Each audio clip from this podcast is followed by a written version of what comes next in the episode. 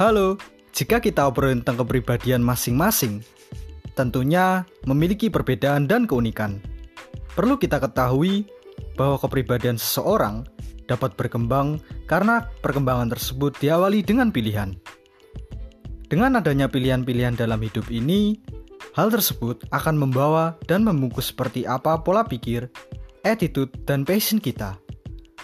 Dalam beberapa podcast ke depan, saya akan membahas tentang hal-hal yang berpengaruh dalam setiap pilihan kita di kehidupan sehari-hari, sembari tentunya masih belajar dan berkembang, serta mengaitkan isu-isu terkini. Jadi, tunggu apa lagi? Mari dengarkan.